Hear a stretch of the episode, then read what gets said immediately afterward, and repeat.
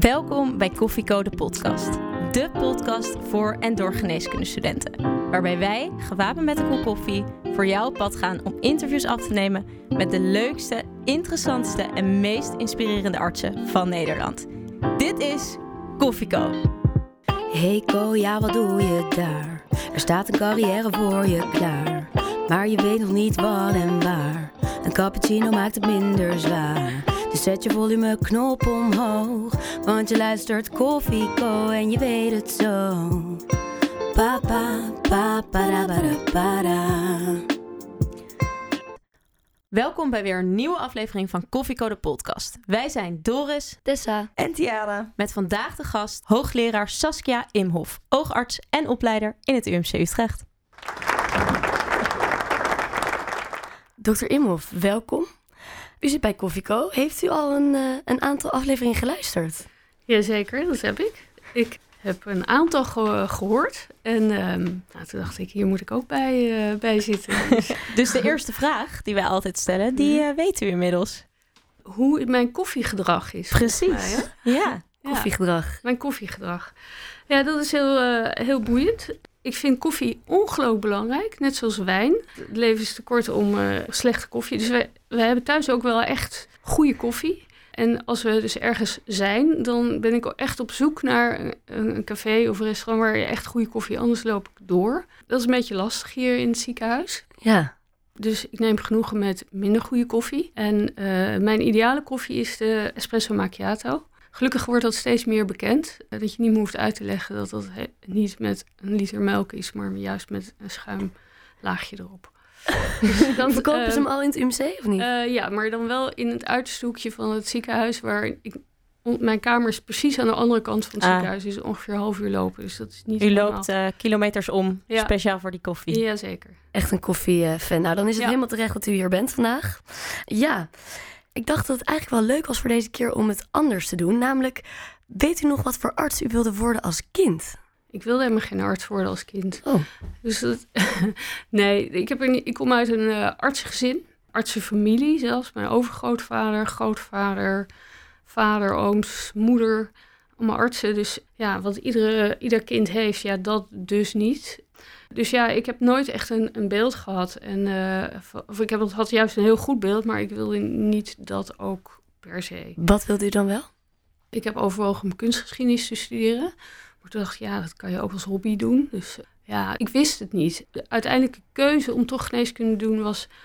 als je probeert een beeld van jezelf te maken van hoe, hoe zit ik erbij later? Of wat, waar loop ik? Hoe, hoe, hoe, eh, in wat voor context, in wat voor omgeving? En ik zag me dus nooit in een, eh, in een kamer met heel veel boeken... in een boekenkast achter een bureau de hele dag...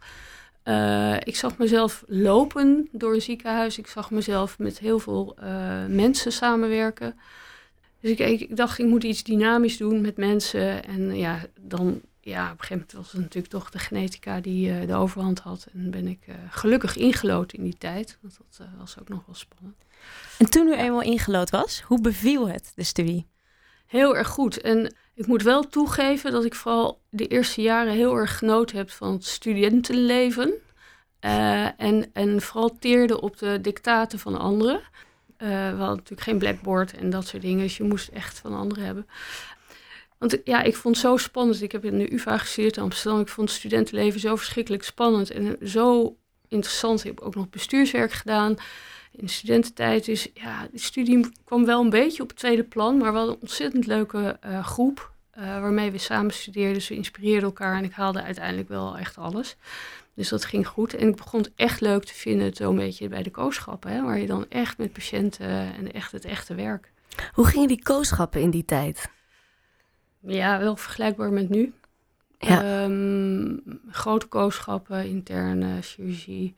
Eh, dus we vergelijkbaar. Uiteindelijk kwam u in aanraking met de oogheelkunde.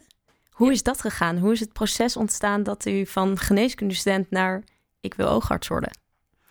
Ja, dat is pas daarna eigenlijk gekomen. Eh, want ik ben na mijn studie ben ik anios eh, geworden in de, op de kinderoncologie. in het Emma Kinderziekenhuis toen nog. En kindergeneeskunde leek me geweldig. Dat is in, wel interessant wat er dan gebeurt als je werkelijk een vak gaat uitoefenen.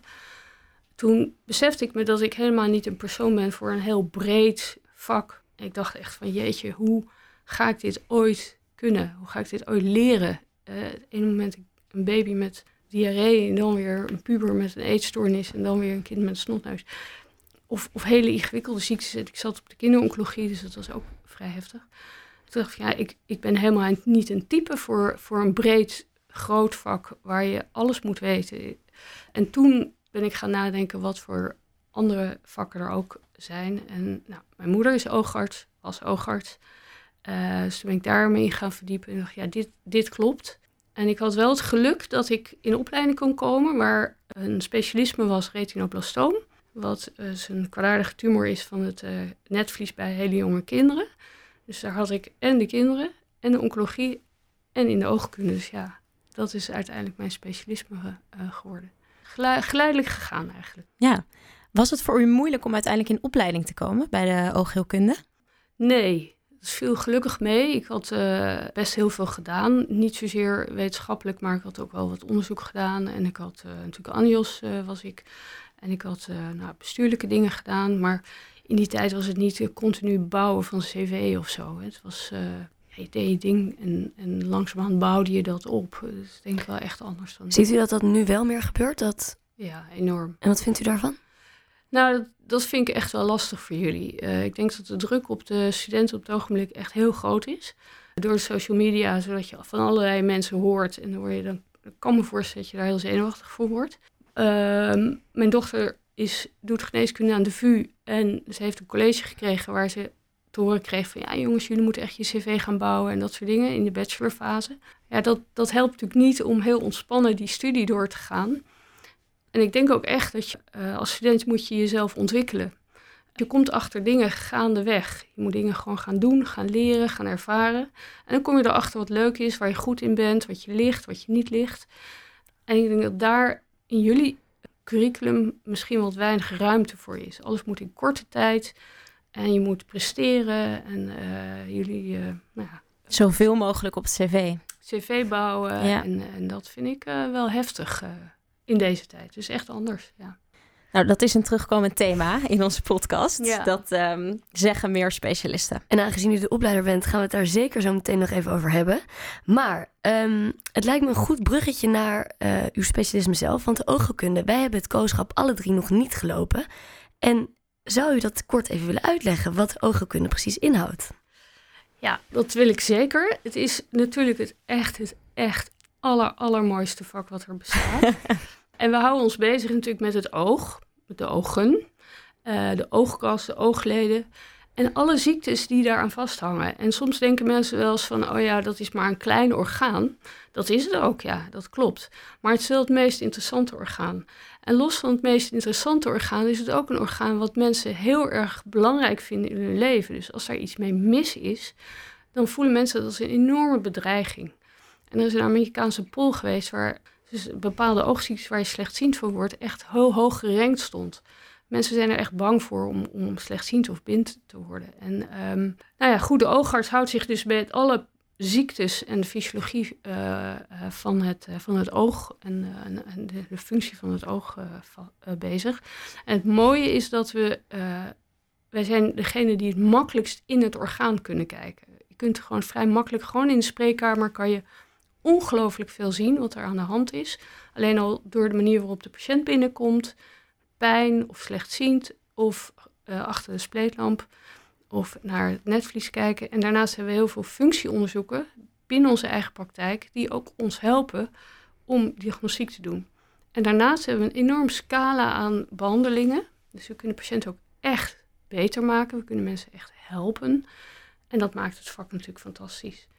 U klonk al heel erg overtuigend, moet ik zeggen. Um, dit zou ik nog wel eens een keertje willen horen in de specialisten pitch, waarin u in 30 seconden de geneeskundestudent er nog eens van moet overtuigen om toch echt voor die oogheelkunde te kiezen. De specialisten pitch. 30 seconden waarin jij de geneeskundestudent ervan overtuigt om voor jouw specialisme te kiezen. Kleine anatomie, maar groot vakgebied. Veel patiënten van leeftijden van 0 tot 100. Bedreiging van het zicht, maar veel raakvlakken met andere specialisten. Dus een brede kijk is echt nodig. Zelfdiagnostiek doen, in het orgaan kijken, behandelmogelijkheden. fantastisch. En ook nog wetenschap. Echt, we kunnen veel betekenen voor een patiënt, zowel technologisch als psychologisch. Binnen de tijd en heel overtuigend. Ja, u noemde het al eventjes. Een klein vak, maar wel breed. Wat, wat vindt u nou de leukste handeling? Want het is ook een beetje klein chirurgisch. Het is, het is behoorlijk chirurgisch, het is microchirurgisch. Het grootste deel van onze operaties doen we onder de microscoop. Behalve de orbitachirurgie en de oogleden, dat kun je met een loopbril doen.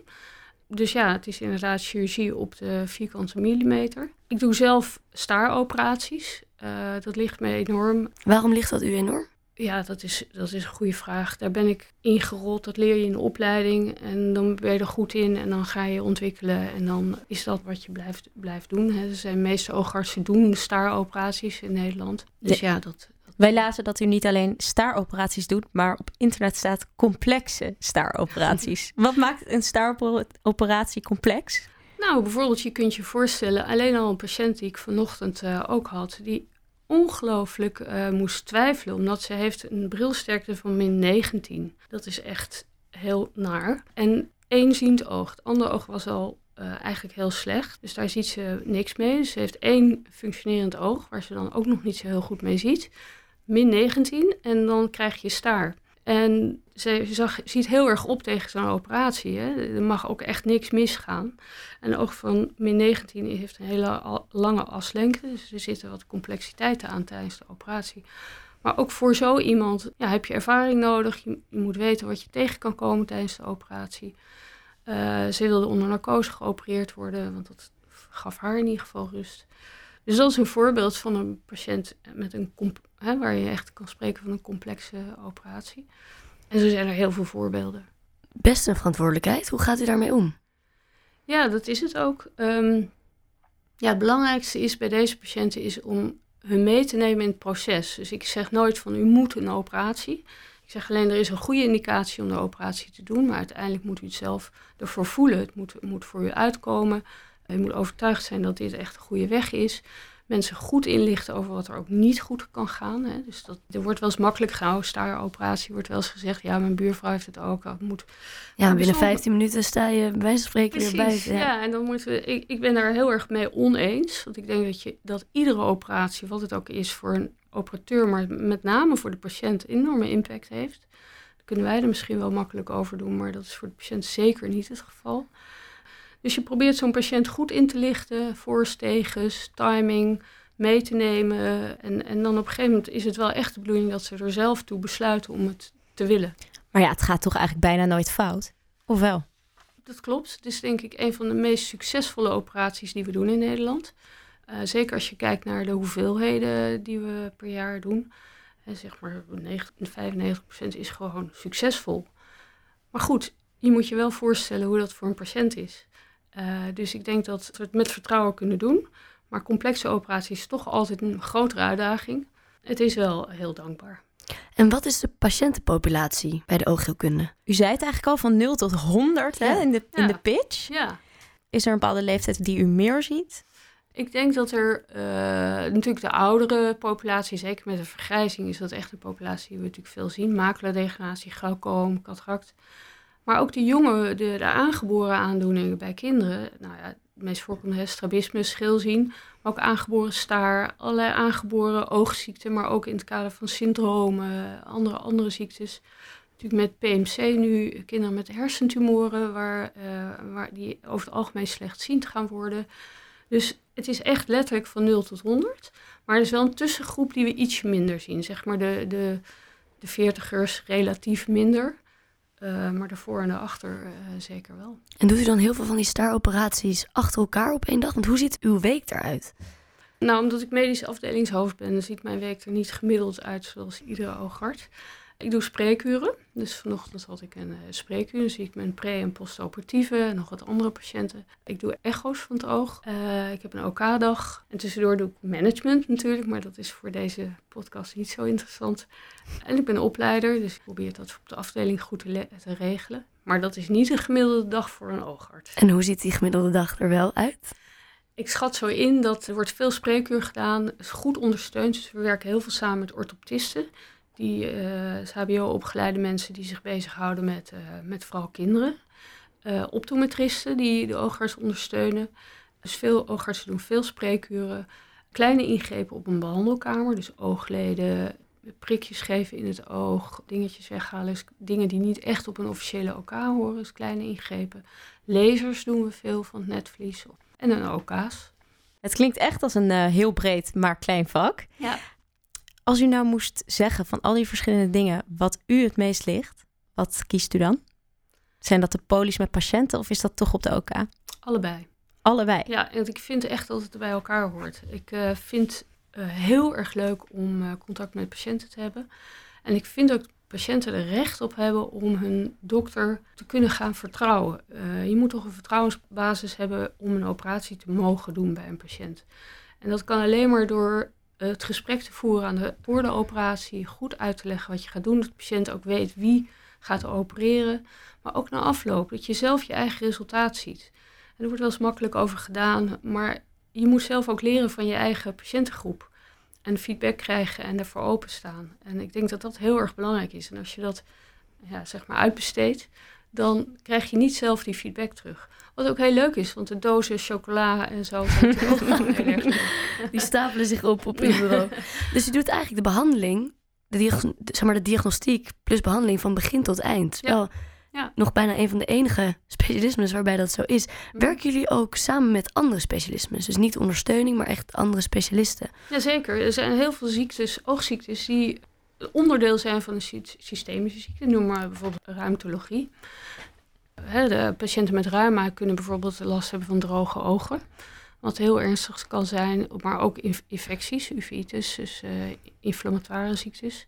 Er zijn allerlei genetische aandoeningen, hè, die, waarbij bijvoorbeeld kinderen die met een eh, genetische aandoening worden geboren, eh, kan staarbij voorkomen of glaucoom of andere netvlies.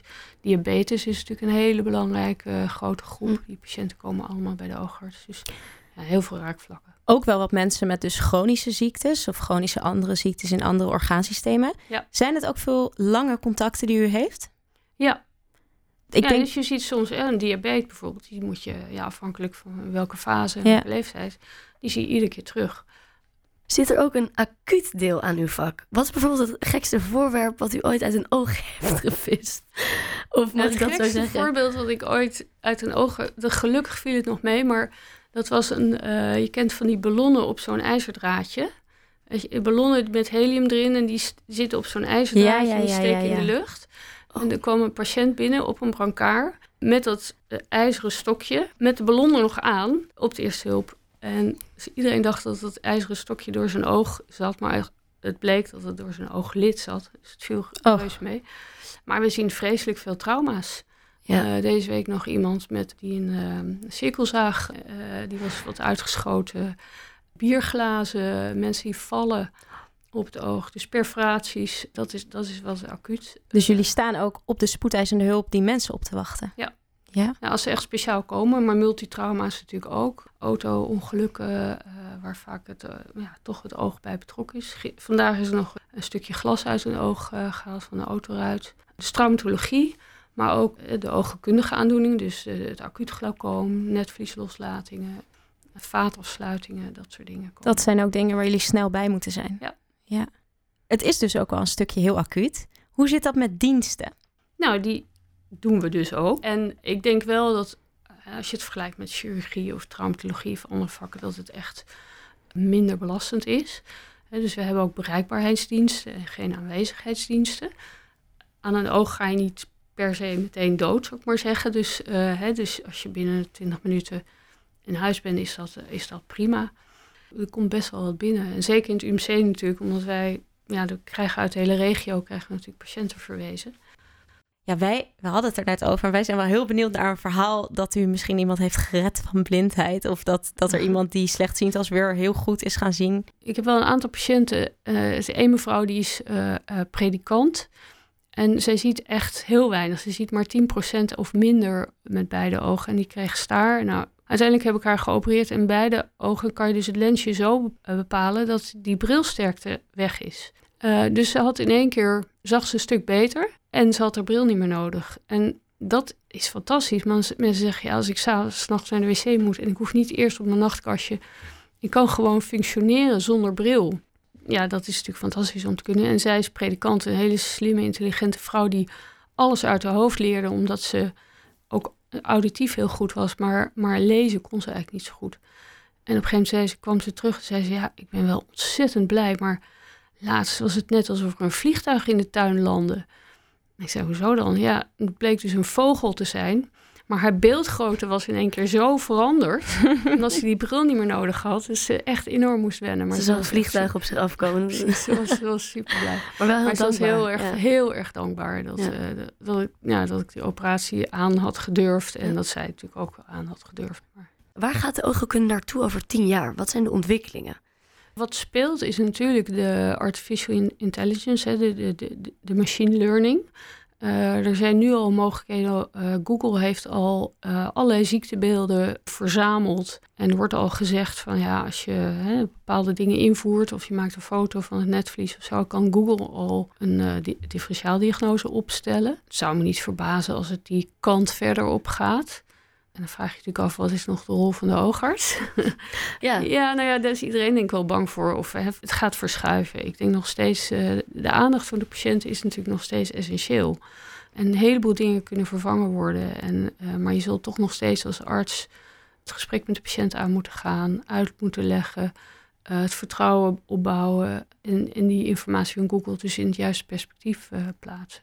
Dus dat gaat een andere rol vragen, denk ik, van, van ons. We hebben natuurlijk een enorm kijkvak, veel beeldvorming, dus daar zal het misschien ietsje harder gaan. Ik ben er niet zo bang voor. Moet je heel erg van techniek houden en, en natuurkundige vakken om, eh, om de oogheelkunde leuk te vinden? Nee, zeker niet. Ja, voor een deel is het optica, maar goed, dat is maar een stukje van ons, van ons vak. En vooral, het gaat vooral om, eh, ja, om, om ziektebeelden herkennen, eh, diagnostiek aan elkaar koppelen. En vooral dat, dat, dat puzzelen. Kijk wat er aan de hand is. Het goed, dat zeg ik ook heel vaak tegen co-assistenten.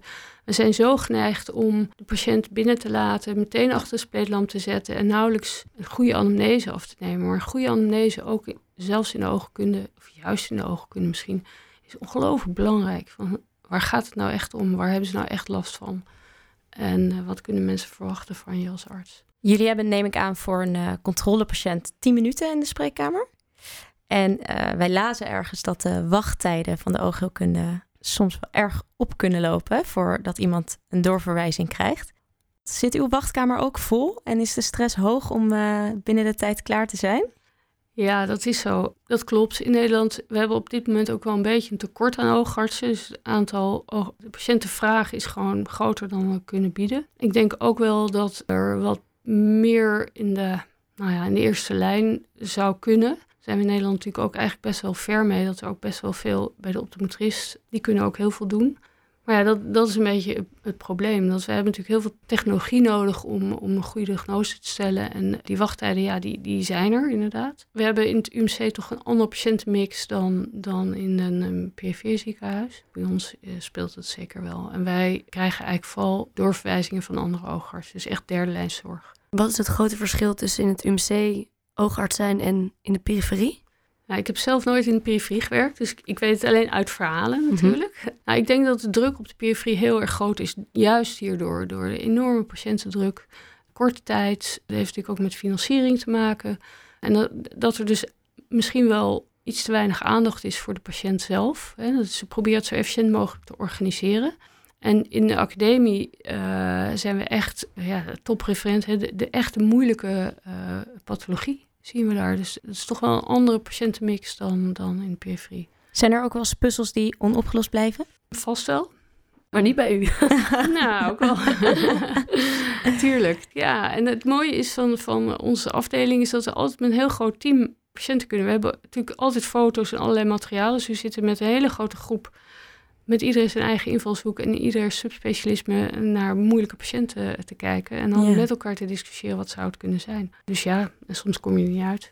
Best wel veel observeren dus. En ik zie dat u zelf ook een bril op heeft. Is dat een probleem bij operaties of bij... Uh... Ja, dit is een uh, leesbril, een leeftijdsgebonden bril. Nee, bij operaties heb ik een microscoop. Ja, dus dan gaat alles goed. Mijn visie is uitstekend. Ja. Heeft u ook een vaste hand? Ja. Voor die hele kleine... Ja. ja.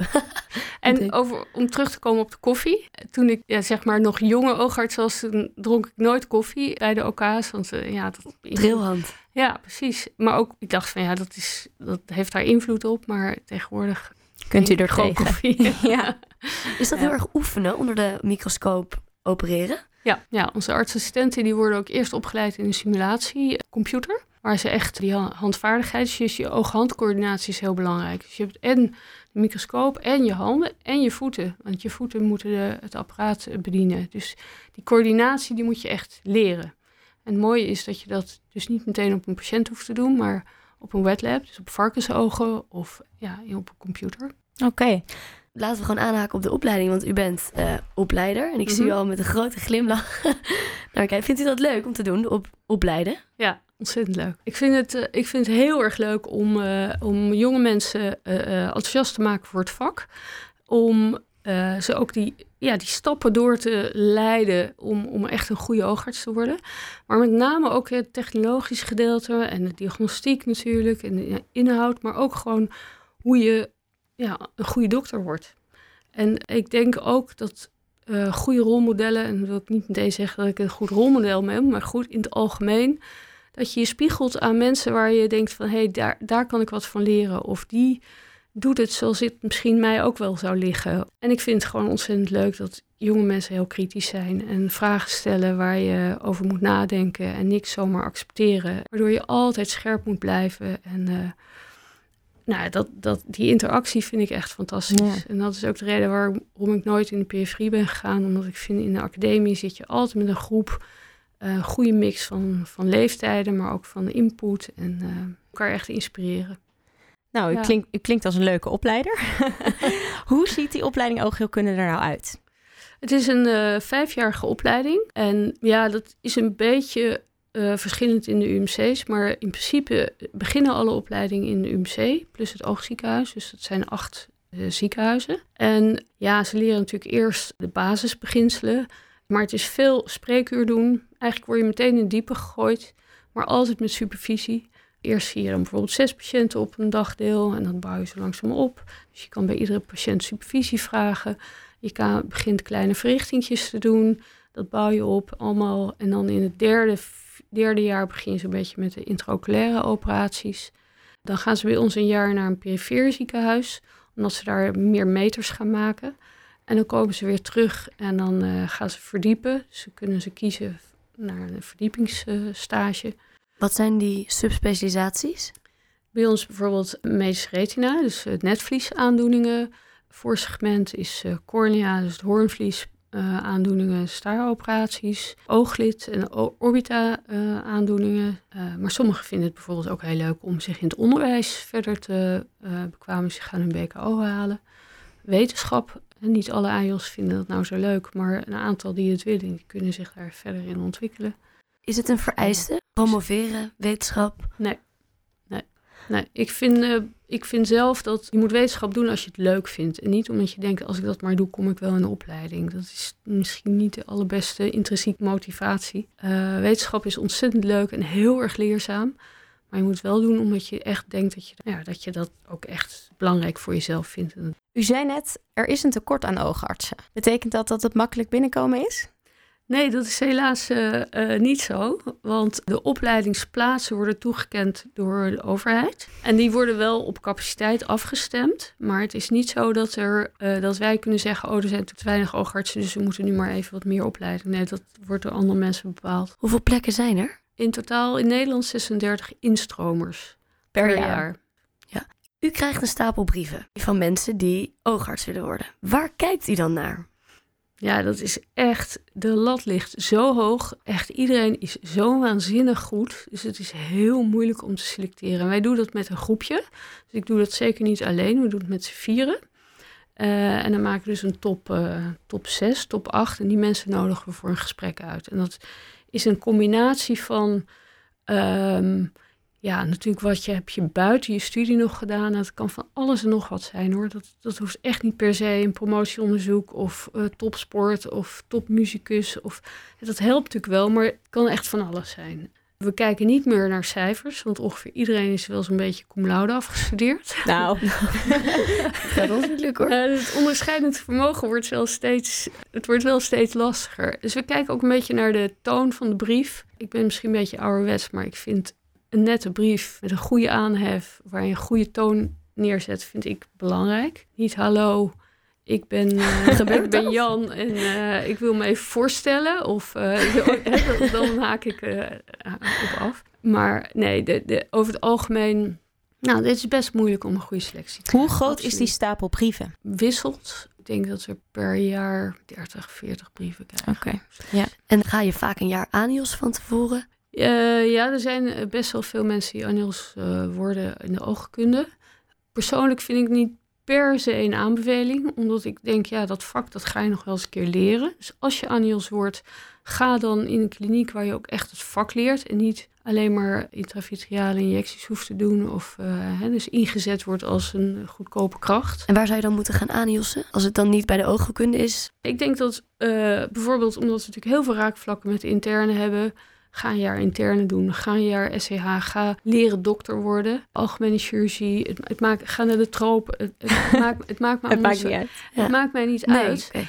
Maar ga iets doen waardoor je na je studie, de meeste zijn 4, 25 als je een beetje doorstudeert, is super jong. Dus ik denk dat het best wel belangrijk is om een beetje tijd te nemen om het dokter zijn te laten bezinken in jezelf. Te kijken van wat, wat, ligt mij nou echt? En waar, wat is het nou om een recept voor te schrijven voor iemand? Die patiënt gaat ook echt die pillen slikken dan wat betekent dat als ik dat doe? Hè? Dat, dat is wel echt, echt leven. En daar moet je ook een beetje in veilige omstandigheden aan wennen. En dan leren hoe, hoe het is om dokter te zijn. Gewoon. U zegt, sommige mensen zijn 4, 25 als ze klaar zijn en aankomen kloppen. Vindt u het dan een voordeel of een nadeel als iemand bijvoorbeeld pas op zijn 28ste afgestudeerd is? Nee, vind ik geen nadeel. Dat maakt Als er maar uit. een goed verhaal achter zit. Want ik krijg ook best wel eens mensen die eerst iets anders hebben geprobeerd. En dan zeggen, nou, ik heb toch voor oogkunde gekozen. Als het maar niet een negatieve keuze is. Als ze maar goed nagedacht hebben over die switch. Ja, ja. En, en het is helemaal niet zo gek dat je eerst denkt, ik wil met internist of chirurg worden. En dan erachter komt, als je een jaar anios bent geweest of je hebt promotieonderzoek gedaan, dat je erachter komt van ja, nee, dit, dit is niet mijn vak. Ik wil toch wat anders. Ja. De co-telefoon. Ja, de co-telefoon, dat is een vraag ingestuurd door een van onze luisteraars. En deze aflevering luidt hij als volgt. Wanneer gaat de eerste volledige oogtransplantatie plaatsvinden? Ja, dat is. Ik zou willen dat ik daar een goed antwoord op had.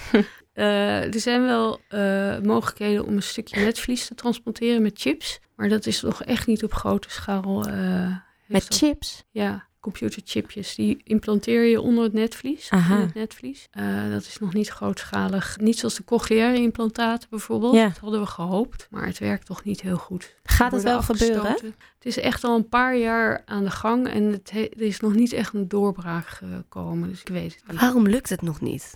Omdat het oog een heel complex orgaan is. Met ongelooflijk, ik weet niet hoeveel miljoenen zenuwtjes.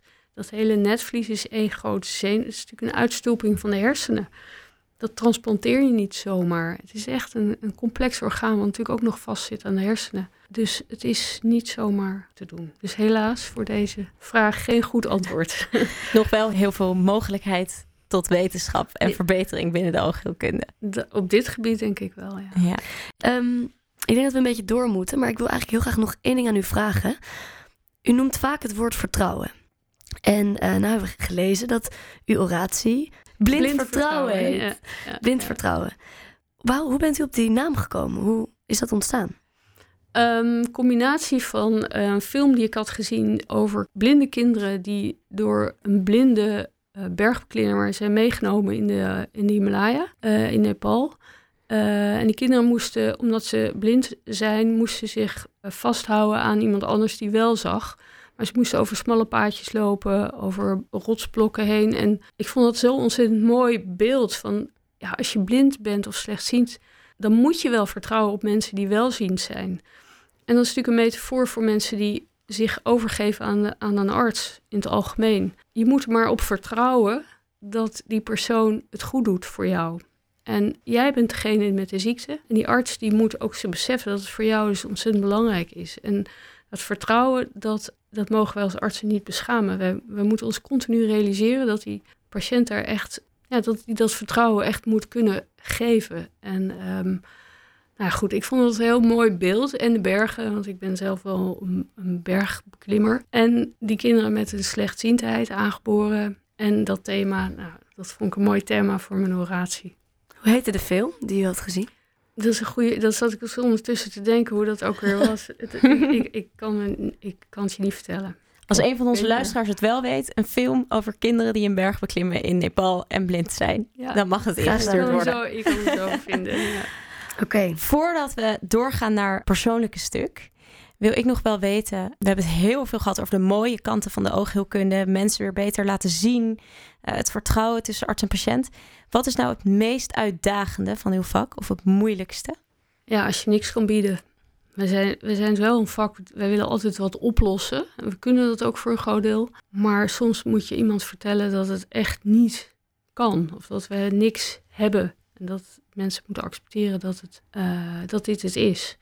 Er is bijvoorbeeld een heel mooi verhaal van een man, een jonge, jonge vent van, van jullie leeftijd, die een genetische aandoening heeft waarbij je rond je 25e langzaam slechtziend wordt.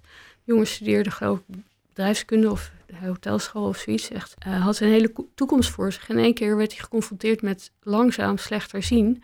En hij wist dat hij op een gegeven moment blind zou worden. En we kunnen er niks aan doen. Het is een genetische aandoening. En hij moest dus zijn hele leven omgooien. En dan sta je te kijken en je, je kan niks.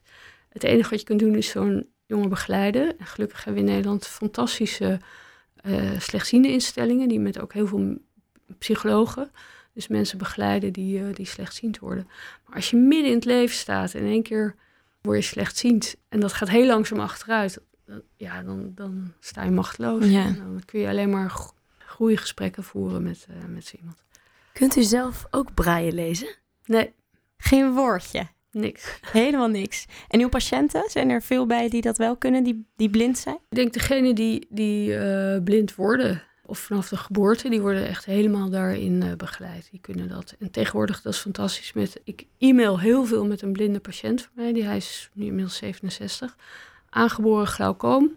Is eigenlijk zijn hele leven slechtziend geweest, maar door computers uh, kan hij dus e-mails lezen. Hij, kan, hij stuurt mij alle artikelen in de media op die over wetenschap, uh, universiteiten of oogkunde gaan. Dus ongeveer dagelijks zit er iets in mijn mailbox veranderd. en ik heb op een gegeven moment tegen hem gezegd... je moet me niet kwalijk nemen als ik niet alles lees of niet overal op reageer. Nou, dat vond hij prima. En hij fietst op een tandem met zijn vrouw vrouw voorop en hij achterop. Ja. Uh, maar door die computers en die braille computers kan hij dus heel goed communiceren met andere mensen. Ja. U bent heel erg betrokken bij uw patiënten. Dat, uh, dat straalt er vanaf. Ja, u bent natuurlijk uh, oogarts en de hele dag met ogen bezig.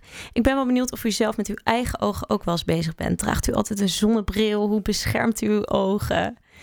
Ja, want is dat heel belangrijk om altijd een zonnebril op te nou, hebben? Nou, niet altijd, maar zon is wel, kan schadelijk zijn voor het netvlies. Je, eh, nou, je moet sowieso niet roken, dat is echt slecht, ook voor je ogen.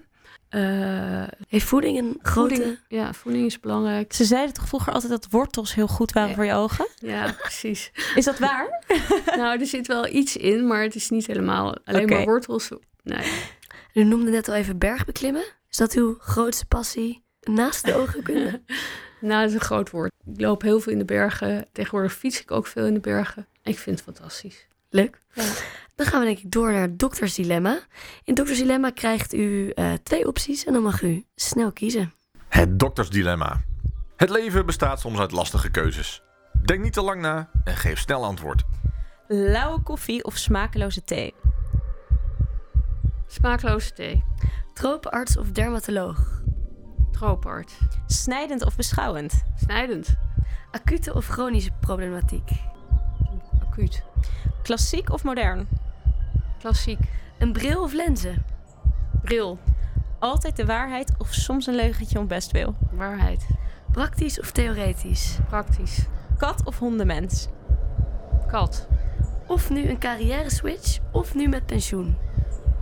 Poeh. Uh, carrière switch. Geduldig of een kort lontje? Geduldig.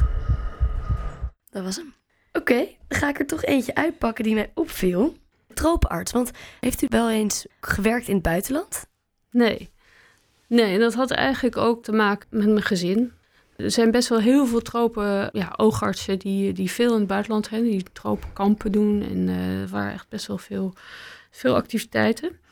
Uh, maar als je dat doet, moet je het ook echt goed doen. Dan moet je wat langer gaan, dan moet je ook echt zorgen dat het goed is. En ja, ik vond met een, uh, met een gezin, jonge kinderen, moest ik echt keuzes maken. Je hebt congressen, best veel veel weg. Ik dacht van ja, als ik dan ook nog een maand naar de tropen ga, dan dat is gewoon te veel. Dus ik heb, ik heb bewust dat stuk niet gedaan. Wel contacten met Suriname, waar we goede contacten hebben met de oogartsen daar. Maar ik heb zelf nooit in de tropen gewerkt. Wij lazen ook dat u ooit de European Society of Ophthalmology Award heeft gewonnen. Ja. Kunt u daar nog wat over vertellen? Ja, dat is een, uh, een Europese uh, organisatie uh, die één keer in twee jaar een, een, groot congres organiseert. En ik ben toen genomineerd voor die prijs vanwege mijn werk op het gebied van retinoblastoom. Dus dat was oh, ja. eervol. Waar u eigenlijk in het hele begin ja. bent begonnen bij de ooggroep. Was dat een hoogtepunt voor u in uw carrière? Ik durf bijna niet te zeggen nee. nee. Dat is wel heel eerlijk. Leuk die prijs hoor, maar... Wat was wel uw hoog, een hoogtepunt in uw carrière? Ik, mijn, carrière is niet uh, van tevoren. Ik ben niet zo iemand die ik denk van, oh, ik wil over vijf jaar daar of tien jaar daar staan. Het is continu opbouwen van ervaring. Je leert mensen kennen, je maakt keuzes. Dus ik vind, ik vind het eigenlijk één groot hoogtepunt, laat ik daar maar... Uh... Nou, dat is denk ik maar het beste. Wij eindigen altijd met de laatste tip voor de co-assistenten die nu luisteren. Um, wat wilt u toekomstige dokters meegeven? Ja, ik val misschien in herhaling, maar um, wat ik net ook al gezegd heb, je moet vooral echt je eigen weg volgen. Want ieder, iedereen moet zichzelf ontdekken in het traject van die studie. En je weet van tevoren niet altijd waar je nou goed in bent, wat je ligt.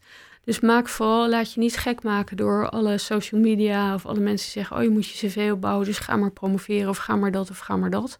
Probeer gewoon bij jezelf te kijken, wat vind ik leuk, waar ben ik goed in, jezelf te ontwikkelen niet te snel ergens in te springen waar je denkt van, oh nou, dat is, dat is slim om te doen, maar vooral je hart volgen. Een beetje je verstand erbij gebruiken en uh, ja, dan komt iedereen gewoon op de goede plek terecht. En ik denk echt gewoon authentiek zijn. Blijf bij jezelf.